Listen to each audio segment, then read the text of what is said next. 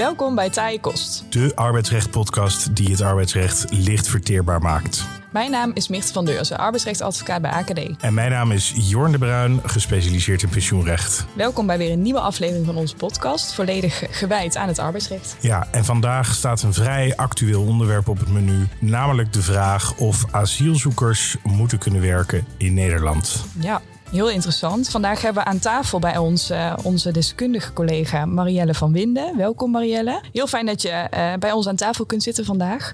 Voor de luisteraars die jou nog niet kennen, je werkt ruim 13 jaar bij AKD. Uh, op onze Rotterdamse vestiging. je bent partner arbeidsrecht en je adviseert regelmatig over bestuurders, WNT, arbeidsrechtelijke aspecten van transacties, medezeggenschap. Maar je beschikt ook over heel veel kennis over het migratierecht. Dankjewel. Fijn dat, ik, dat we het vandaag over dit uh, actuele onderwerp kunnen hebben. Ja, zeker. Nou, hartstikke fijn dat je er bent. Um, maar dan ook, ja, terug, maar waar. Uh, inmiddels is de invasie uh, van Oekraïne door Rusland al een jaar gaande. Uh, en als gevolg daarvan hebben we in Nederland best wel wat vluchtelingen op ons afgekregen die vanuit Oekraïne zijn weggevlucht. In combinatie daarmee hebben we ook een arbeidstekort. We hebben eigenlijk onvoldoende mensen om, uh, om de functies op te vullen. Um, en jij hebt daar aanleiding daarvan een artikel geschreven.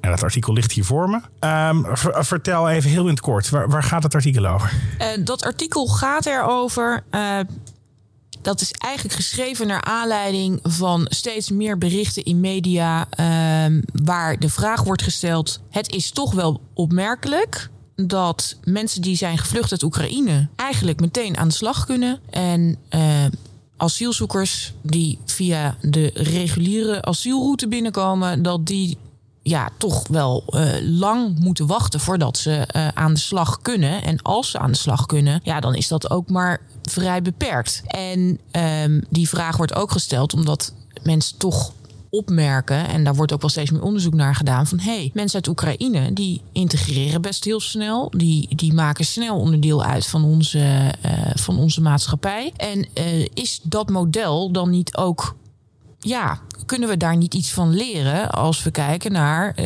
de reguliere asielzoekers, waar ja, dat onderwerp is natuurlijk altijd omgeven met een heleboel mitsen en maren en, en, en politieke moeilijkheden. Ligt heel gevoelig. En uh, vandaar dat ik toen heb gedacht, laten we dan eens even kijken wat het juridisch kader is waarbinnen de uh, mensen uit Oekraïne hier aan de slag kunnen. En wat is nou het juridisch kader waarbinnen uh, asielzoekers hier aan de slag kunnen. En ja, hoe verhoudt zich dat tot elkaar? Um, waar komt dat vandaan? Waar komen die kaders vandaan? Want uh, uh, ja, is de oorsprong hetzelfde of anders? Nou, ik wist al wel dat de oorsprong anders was. Maar goed, dat is wel ook wel nuttig om dat eens even onder elkaar te zetten. En dan zie je uh, dat, nou ja, als je dat onder elkaar zet, dan wordt helder waarom de mensen uit Oekraïne ehm, ja, op een andere manier uh, worden behandeld eigenlijk. En uh, het maakt wel ook meteen duidelijk dat de huidige regeling die van toepassing is op asielzoekers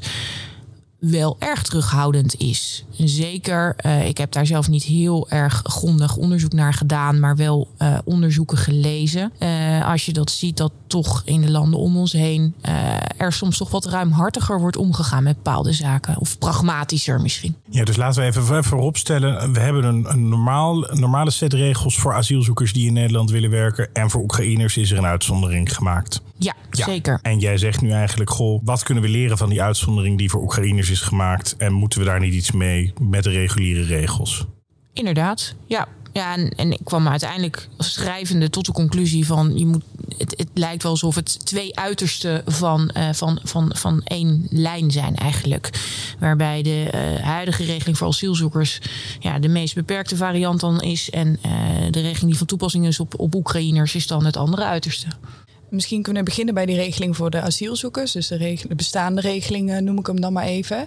Um, zou je eens kort kunnen inzoomen op het juridisch kader? Waar krijgt een vreemdeling die hier komt uh, mee te maken qua set aan regelgeving? Wat zijn de wetgevingsartikelen die, we, die dan om de hoek komen? Ja, nou, ik denk dat we moeten beginnen dat, uh, bij het feit dat uh, als iemand hier binnenkomt als asielzoeker, dan heb je helemaal niets meer. Je hebt uh, hopelijk nog je identiteitspapieren, maar dat is het dan. En je meldt je in een aanmeldcentrum, dat is nu natuurlijk vaak nog ter Apel. Uh, er komen er meer. En ehm, dan is het de bedoeling dat je op een gegeven moment in die procedure komt. En dat je op een zeker moment dat daar een beslissing wordt genomen. En als er een beslissing is genomen, dan heb je, uh, krijg je vaak een tijdelijke status. Als je dan een tijdelijke status hebt, of als jouw procedure minimaal zes maanden aan de gang is, uh, dan kan je aan de slag. Als je nog asielzoeker bent, dus nog geen status hebt, dan kun je aan de slag. Maar dan moet jouw werkgever wel een tewerkstellingsvergunning aanvragen. Dus je mag niet zomaar aan de slag. En dat is uh, ja, hobbel 1, om het zo te zeggen. En wat daar ook opmerkelijk aan is, is uh, ja, die procedure moet al zes maanden gaande zijn. En dat is best een lange tijd. En je ziet dus ook dat dat uh, niet overal in Europa op dezelfde manier ja, wordt gedaan. Maar, maar in Nederland betekent het dus de facto dat de eerste zes maanden niet gewerkt kan worden door, door de reguliere, noem ik het maar even, asielzoeker. Klopt. Ja. Dus die zit in een soort wachtperiode. Ja, die, uh, die staat in de wachtmodus. Ja. En die zit zes maanden dan in dat aanmeldcentrum of dan op een gegeven moment op een andere locatie. Te wachten. Te wachten. Ja, dat is het idee. En ja. dan duren zes maanden misschien best lang. Ja, daar gaan we wel vanuit dat dat dan vrij lang duurt, inderdaad. En uh, er mogen wel uh, beperkt andere dingen worden gedaan. Er mag beperkt worden stage gelopen. Er mag ook vrijwilligerswerk worden gedaan. Ook onder voorwaarden. Maar laten we er even vanuit gaan, die zes maanden uh, gebeurt er niet zoveel. En, en, en je zegt, hè, er mag stage gelopen worden. Um, maar dan moet je wel ook, neem ik aan, bezig zijn met een opleiding. Ja. Dus, dus dat. Oké, okay, dus je kan een stage lopen als je toevallig. In, in het land van herkomst waarschijnlijk dan ook al bezig was met die opleiding. En Ja. dat dan hier kan voortzetten. Als je, als, je hier, als je hier daar inderdaad mee bezig kan. Maar dat is ook, dat is ook niet heel makkelijk. Dat, daar, liggen, daar, daar zijn veel, veel hobbels. En, en als we dan, want je noemde vrijwilligerswerk als tweede mogelijkheid. Is dat al wat ruimhartiger? Kan ik, kan ik dan wel, stel dat ik asielzoeker ben, kan ik dan wel kopjes koffie gaan schenken in een bejaardentehuis of zo? Nou, in principe niet zomaar. Want uh, de partij waar jij vrijwilligerswerk bij verricht, die moet voor die activiteiten, dus niet voor de persoon van die betreffende asielzoeker, maar voor het verrichten van die activiteiten, moet hij een uh, verklaring aanvragen bij het UWV dat dat kan. En die, Maar dat moet sowieso, of dat moet omdat dat, dat hij er een asielzoeker op wil inzetten? omdat hij er een asielzoeker op wil inzetten. Dat is dan gedurende de periode van. Nee, dat is, die, verklaring heeft een maximale uh, duur van drie jaar. En dan kan die daar willekeurig welke asielzoeker dan ook op inzetten. Dat is dan het idee. Maar dat is ook een drempel. Want stel, ik ben een verpleeghuis wat zegt... Uh, ik zou het leuk vinden als hier af en toe ook een asielzoeker komt op... Geen idee te, te praten met de mensen. Dat, dat gaat dan eigenlijk ook niet zomaar. Want dan moet je dus wel die, ver, die verklaring hebben. Ja, nou die verklaring die moet zijn aangevraagd. En uh, als die is aangevraagd en je kan aantonen dat die is aangevraagd, dan mag op zich dat vrijwilligerswerk gaan worden verricht. En is dat een hoge drempel? Dat is het is, moeilijk om uh, zo'n verklaring aan te vragen? Dat is op zich niet heel moeilijk, maar het is natuurlijk wel een administratieve drempel waar, uh, waar partijen dan van zeggen: ja, nou ja, weet je, laat maar even zitten. Dan moet ik dat ook nog bij gaan houden. Ja, en dat moet bij het UWV. Ja. Dus dan moet het verpleeghuis, de voetbalvereniging of uh, wie dan ook. De voedselbank. Ja. Schakelen met het UWV. Ja, ja, dat is natuurlijk niet een, een dagelijkse. Uh... Nee, dat niet. En het, op zich is het UWV een instantie waar je op zich goed mee kan schakelen. Uh, alleen, uh, ja, feit is dat het niet zomaar kan. Ja. Dan las ik nog als, als derde mogelijkheid in jouw artikel dat je ook voor het COA zelf, hè, dus, dus zeg maar de, de opvang waar je dan zelf verblijft, ook daar zou je klusjes kunnen doen. Klopt, ja. Uh, uh, beperkt schoonmaakwerk, opruimen, uh, dat soort zaken. En dan, maar goed, dat, is, dat, hè, dat is, zijn activiteiten. Daar staat dan een vrij beperkte vergoeding tegenover. Aan de andere kant, ja, goed. je kunt op die manier natuurlijk wel, wel organiseren dat mensen wat om handen hebben. Dus dat kan. En ze hebben wel kosten in woning. Dus, ja. dus zeg maar, de, de, ze hebben misschien ook net iets minder nodig dan de reguliere uh, personen in Nederland. Dat is wel de assumptie, ja. Ja. Ja. Oké, okay. maar al met al, de eerste zes maanden is er eigenlijk niet zoveel te doen voor een asielzoeker. Behalve dan dus vrijwilligerswerk, stage of schoonmaken bij het COA. Klopt. En de hoofdregel is dus op grond van artikel 2 wet arbeid vreemdelingen. Je werkt hier in principe alleen met een werkvergunning. Ja. Um, dat is voor de asiel uh, de huidige asielprocedure. Hoe zit mhm. dat dan voor de Oekraïners? Want je gaf al aan in het begin, er zit een verschil in de regelingen. Er is denk ik een uitzondering gemaakt in verband met de uitzonderlijke situatie. Kun je dat ja. toelichten? Ja, nou is denk ik belangrijk om even stil te staan bij de oorsprong van het verschil in die regelingen. Uh, onze huidige ja, reguliere uh, asielprocedure waar wij net over spraken, die komt voort uit de opvangrichtlijn. En de regeling ten aanzien van Oekraïners uh, die vloeit voort uit de richtlijn tijdelijke bescherming. Dat is een richtlijn die uh, door Europa uh, ruim 20 jaar geleden is ontworpen, juist met het oog op noodsituaties.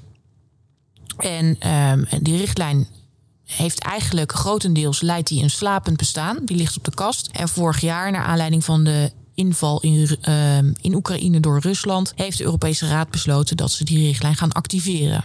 En dat betekent dus dat je in alle lidstaten ineens een set regels activeert. Waardoor dus een specifieke en afgebakende groep mensen, als het ware, uh, buiten het reguliere asielproces valt, maar onder een uh, specifiek regime komt te vallen. In Nederland betekent dat dat mensen uit Oekraïne die hier komen recht hebben op, uh, op opvang. Uh, ze krijgen leefgeld. Maar, en dat springt vooral in het oog, ze mogen ook aan de slag. En vrijwel meteen. Werkgevers hoeven alleen een melding te doen bij het UWV. Een notificatie noemen we dat. Waarin wordt gezegd, nou dit is uh, meneer of mevrouw X. En die gaat bij mij aan de slag.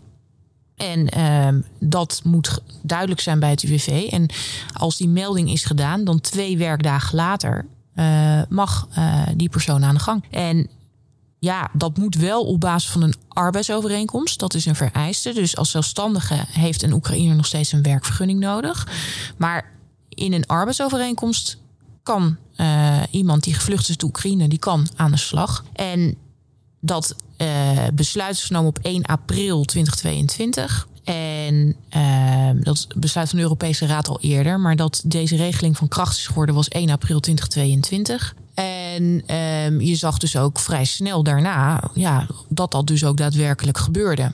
En uh, ik denk dat wij allemaal al wel mensen zijn tegengekomen die ergens schoonmaakten of achter de balie bij een hotel zaten of in een restaurant rondliepen. Supermarkten. Ja. Exact. Um, die, uh, die achtergrond hebben. Dan zie je dat, uh, ja, daar was vrij lang, of tenminste enige maanden, werd dit gewoon zo toegepast. wel was op een gegeven moment wel duidelijk dat er nog een formeel uh, moment zou zijn. Uh, namelijk uh, het moment waarop ehm, is ingevoerd dat die eh, mensen uit Oekraïne ook daadwerkelijk moeten kunnen aantonen dat zij onder de werking van de richtlijn vallen.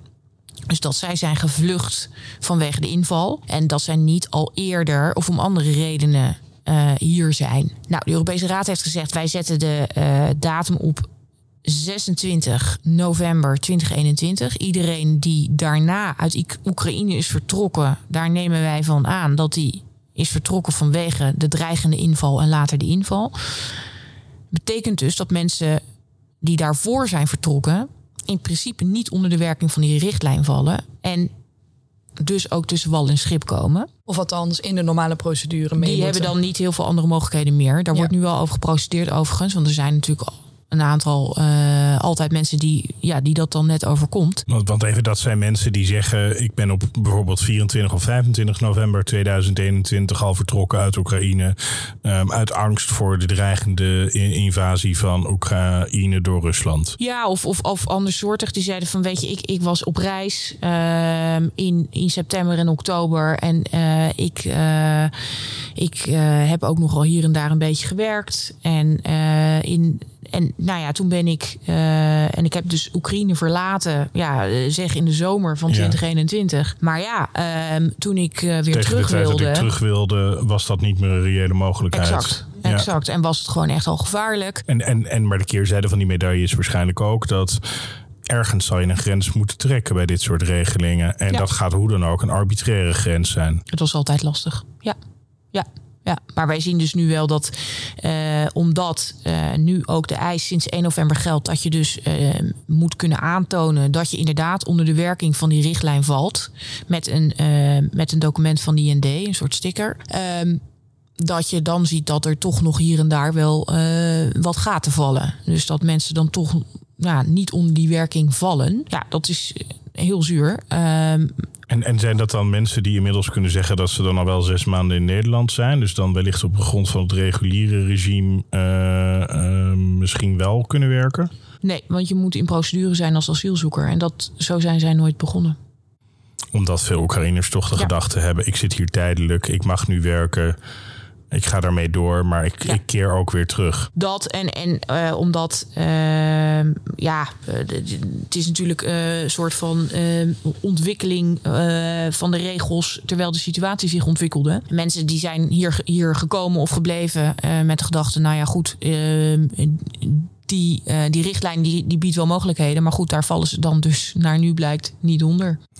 Even, wat waren destijds de redenen om deze richtlijn nu zo ja, relatief soepel in te zetten? Omdat um, in Europa um, nou ja, wel duidelijk was dat, dit, uh, dat, dat er een, een enorme stroom mensenopgang kwam. Waarbij het geografisch zo is dat, ze toch, dat Oekraïne natuurlijk grenst aan de EU. Dus vandaar dat men heeft gezegd, hier moeten, we, hier moeten we iets mee. En men heeft ook gezegd, als wij dit via de reguliere procedures laten verlopen, dan verstopt alles compleet. Dus dat, dat kan niet. Dus we moeten een noodvoorziening treffen. Nou, en daar is ooit die richtlijn voor ontworpen.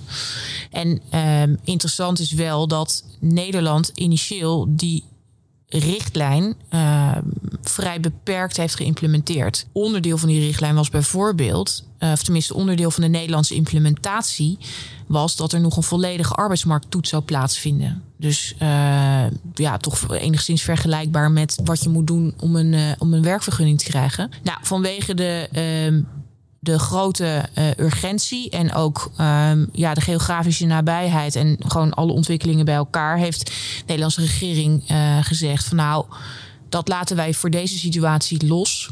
En hebben ze dus echt voor de, voor de Oekraïnse situatie een uitzondering gemaakt en gezegd, nee, deze mensen mogen zonder arbeidsmarkttoets gewoon meteen aan de gang.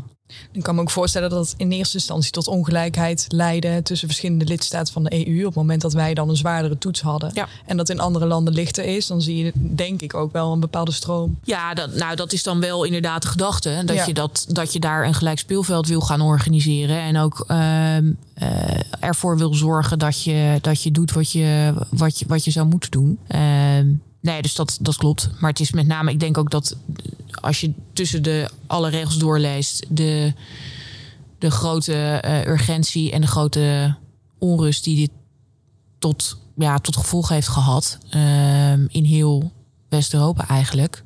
Uh, dat heeft er wel toe geleid dat, dat men uh, zei van nou ja, dan, dan wijken we daar vanaf. En ik denk ook dat het daardoor politiek ook beter verkoopbaar was. Ja, en de past misschien ook wel natuurlijk. Hè, bij, we hebben jarenlang gehoord dat er opvang in de regio moest plaatsvinden. Ja. Um, ja, dit is dan de keerzijde, denk ik, daarvan uh, dat dit onze regio is. Ja, en dat is ook door de, door de regering ook met zoveel woorden overwogen. Ja. ja. Nou, dan hebben we een beeld van hoe uh, het nu werkt voor, ik noem het maar even onerbiedig, de, on, de Oekraïners. En hoe het uh, werkt voor de reguliere asielzoekers. Um, hoe nu verder? We, we hebben twee uitersten. Nou ja, het is. Uh, uh, D66 heeft vorig jaar een initiatiefnota uh, opgesteld. Eh, waarin eh, aan de kaak wordt gesteld dat. Ja, e-, Even voor alle mensen zoals ik, een initiatiefnota. Ja dat is niet een initiatiefwetsvoorstel, heb ik vandaag geleerd. Nee, dat, is, uh, dat, is een, uh, dat zijn punten uh, die je aanreikt aan de regering om ter overweging om, uh, nou ja, om, om daar. Een soort, uh, soort visiedocument. Ja, um, je geeft de, uh, de regering een overweging om op bepaalde onderdelen andere besluiten te nemen of punten te overwegen, te heroverwegen. en als reactie daarop is, heeft staatssecretaris van de Burg ook gereageerd met een brief. waarin dus er wordt gereageerd op die punten uit de initiatiefnota.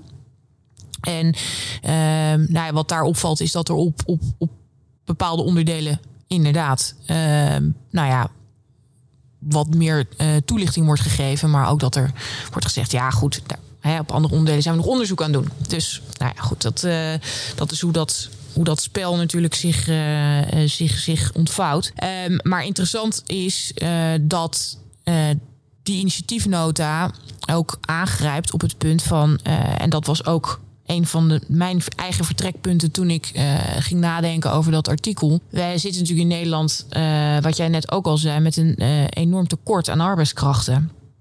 En ehm, ja, feit is dat deze mensen wel al hier zijn. Dus ja, als daar potentieel in zit, kunnen we daar niet ook ja, wat meer mee gaan doen. En ehm, nou ja, die initiatiefnota die behelst nog een heleboel meer punten. Ehm, maar daar gaat het in ieder geval ook om. En dan zie je dus dat uh, in mijn optiek een, een van de kernpunten is dat wordt voorgesteld om die periode van zes maanden te verkorten tot één maand. Dus dat mensen, als ze in procedure zitten, al na één maand aan de slag zouden mogen. Maar dan moeten, moeten ze nog wel in de procedure zitten. Ja, ze moeten wel in de procedure zitten. En uh, om ook de termijn uh, waarop zij mogen werken. Dus dat is nu 24 weken in een periode van 52 weken. Om die te verlengen naar 46. Zodat je natuurlijk gewoon, ja, plat gezegd, meer profijt hebt van de inspanningen die je pleegt om met zo iemand aan de slag te gaan. Dan sla ik wel aan op die 24 weken. En die komt vaker terug natuurlijk in onze wetgeving. Ja. Krijgen die mensen dan ook recht op WW? Uh, in principe wel. Uh, alleen uh, op het moment dat een asielaanvraag wordt afgewezen, dan eindigt dat. Dus, Alleen voor de duur van hun aanvraagprocedure. Ja. ja. ja. En die periode terugbrengen naar één maand vanaf zes maanden, dat is natuurlijk een behoorlijk verschil. Is dat haalbaar überhaupt om binnen een maand allerlei organisatorische. Ja, dat is natuurlijk de vraag. Ehm, je ziet dat, ik denk ook dat je ja, uh, uh, uiteindelijk zal dat mogelijk best wel weer barstig zijn. Want je hebt natuurlijk bijvoorbeeld ook een burgerservice nummer nodig om te kunnen werken. Althans, niet om te kunnen werken, maar wel om de loonadministratie uh, op orde te hebben. En uh, dat blijkt gewoon uh, op dit moment echt wel een uitdaging. Dat was ook voor veel Oekraïners, begreep ik, een uitdaging. Zeker. Die, waar, waar dan speciale punten door gemeentes werden opgezet ja. om, om mensen zo snel mogelijk toch maar ingeschreven te krijgen. Absoluut. Ja, en ik zie dat breder in mijn praktijk ook. Want uh, nou ja, wij adviseren ook veel over bijvoorbeeld kennismigranten en überhaupt wat, wat, wat hoger kader, zeg maar, die vanuit buiten de, die van buiten de EU naar Nederland komen om, om hier uh, aan de slag te gaan. En uh, ook deze mensen hebben uiteraard een, een BSN nodig. En ehm, ja, mede ook door de situatie in Oekraïne, maar ook omdat er gewoon bij die IND en bij uh, niet alleen bij de IND, want die verstrekken op zich die nummers niet, maar bij de hele ja, overheid, zeg maar, toch wel veel tekorten zijn, uh, zie je dat dat allemaal vertraging oploopt. Dus dat mensen toch uh, soms allerlei administratieve trucs moeten uithalen om, om toch zo'n nummer te bemachtigen. Ja, en dat dat, dat is dan hier dus ook lastig. Nou zie je wel dat, dat Van de Burg in die Kamerbrief waar ik het net over had, van 18 oktober 2022, uh, daar wel uh, nou ja, op, nog kort op ingaat. En uh, ja, er wordt gezegd van nou, het plan is om die, die, die burgerlijke registratie om die meer centraal te laten plaatsvinden, zodat je dat, of althans meer centraal te organiseren, zodat je dat efficiënter kan, uh, kan inrichten. Nou, ik denk dat dat op zich uh, altijd een goed idee is. En uh, specifiek voor de asielzoekers, omdat niet door uh, het COA, maar de IND ehm, de personen aan te laten leveren die in aanmerking komen voor, uh, voor inschrijving. Nou, dat zijn. Ik denk dat dat zeker gaat helpen. Alleen. Um, Sorry, wat bedoel je met het laten de personen in, in aanmerking? Ja, um, nu reikt het COA die mensen aan van: oké, okay, deze mensen komen in aanmerking voor, voor inschrijving. En dat laat je dan door die IND doen. Dus dan zijn de ah, lijnen ja. wat korter. Ja. En dat is dat. Ik denk dat dat allemaal zeker zal helpen. Um, feit blijft dat als ik gewoon kijk in mijn dagelijkse praktijk dan zie ik dat er op alle fronten in die hele keten, uh, ook buiten het veld waar we het nu echt over hebben, maar arbeidsmigratie breder gezien, ja, dat daar gewoon uh, uh, tekorten zijn in. Uh, aan arbeidskrachten. Ah, aan arbeidskrachten, maar ja, misschien kunnen we ze ja, daarin zetten. Is, ja, zoals de cirkel van grond. Ja. ja. Maar, maar even, want ik maak er een grapje van, dat is het natuurlijk uiteindelijk helemaal niet. Nee. Um, want die tekorten aan arbeidskrachten, uh, die maken dus dat, dat gewoon af en toe de ambtelijke molens een stuk langzamer draaien. Ja. Um, maar toch, als ik nou hier dit speelveld overzie, dan denk ik, wij hebben heel hard mensen nodig. We zitten te wachten op mensen. Ja. We hebben mensen die hierheen kunnen, kunnen komen, die graag willen werken en waarvan ik denk, ik ben geen psycholoog, maar waarvan ik denk dat het beter voor ze is als ze gaan werken. Dat is altijd de vraag. Ja, dat is de, en dat is Daar bijna hangt ook een beetje vanaf. Vraag, hangt er ook vanaf, denk ik, uh, hoe mensen. Ja, maar vanuit, vanuit hun, hun eigen uh, vanuit hun eigen welzijn. Ja, nou, waar wel echt vrij veel onderzoek naar wordt gedaan, is van oké, okay, um, uh, hoe uh, is nu die integratie op de wat langere termijn. Uh, wat ik wel overigens ook even moet zeggen daarbij, is dat, dat in die initiatiefnota die is opgesteld, die ziet met name ook op uh, de groep van dat noemen ze kansrijke asielzoekers. En dat zijn dus, dat is de groep mensen die waarvan algemeen wordt aangenomen dat ze vrij veel kans maken op een status. Als we, het, we kennen ook de kans, niet kansrijke asielzoekers. En dat zijn, ja, dat worden we ook wel de gelukzoekers, zeg maar, genoemd. Ja. Um, die vallen daar dan niet onder. Maar goed, dat is dus ook lastig. Want dan zul je daar dus in moeten gaan differentiëren. Ja, en ook al vrij snel, want je wil binnen een maand dat onderscheid dan gelegd hebben. Dat zou je dan moeten weten. Dus um, ja, en om dat uh, voor elkaar te krijgen binnen, de, binnen alle juridische...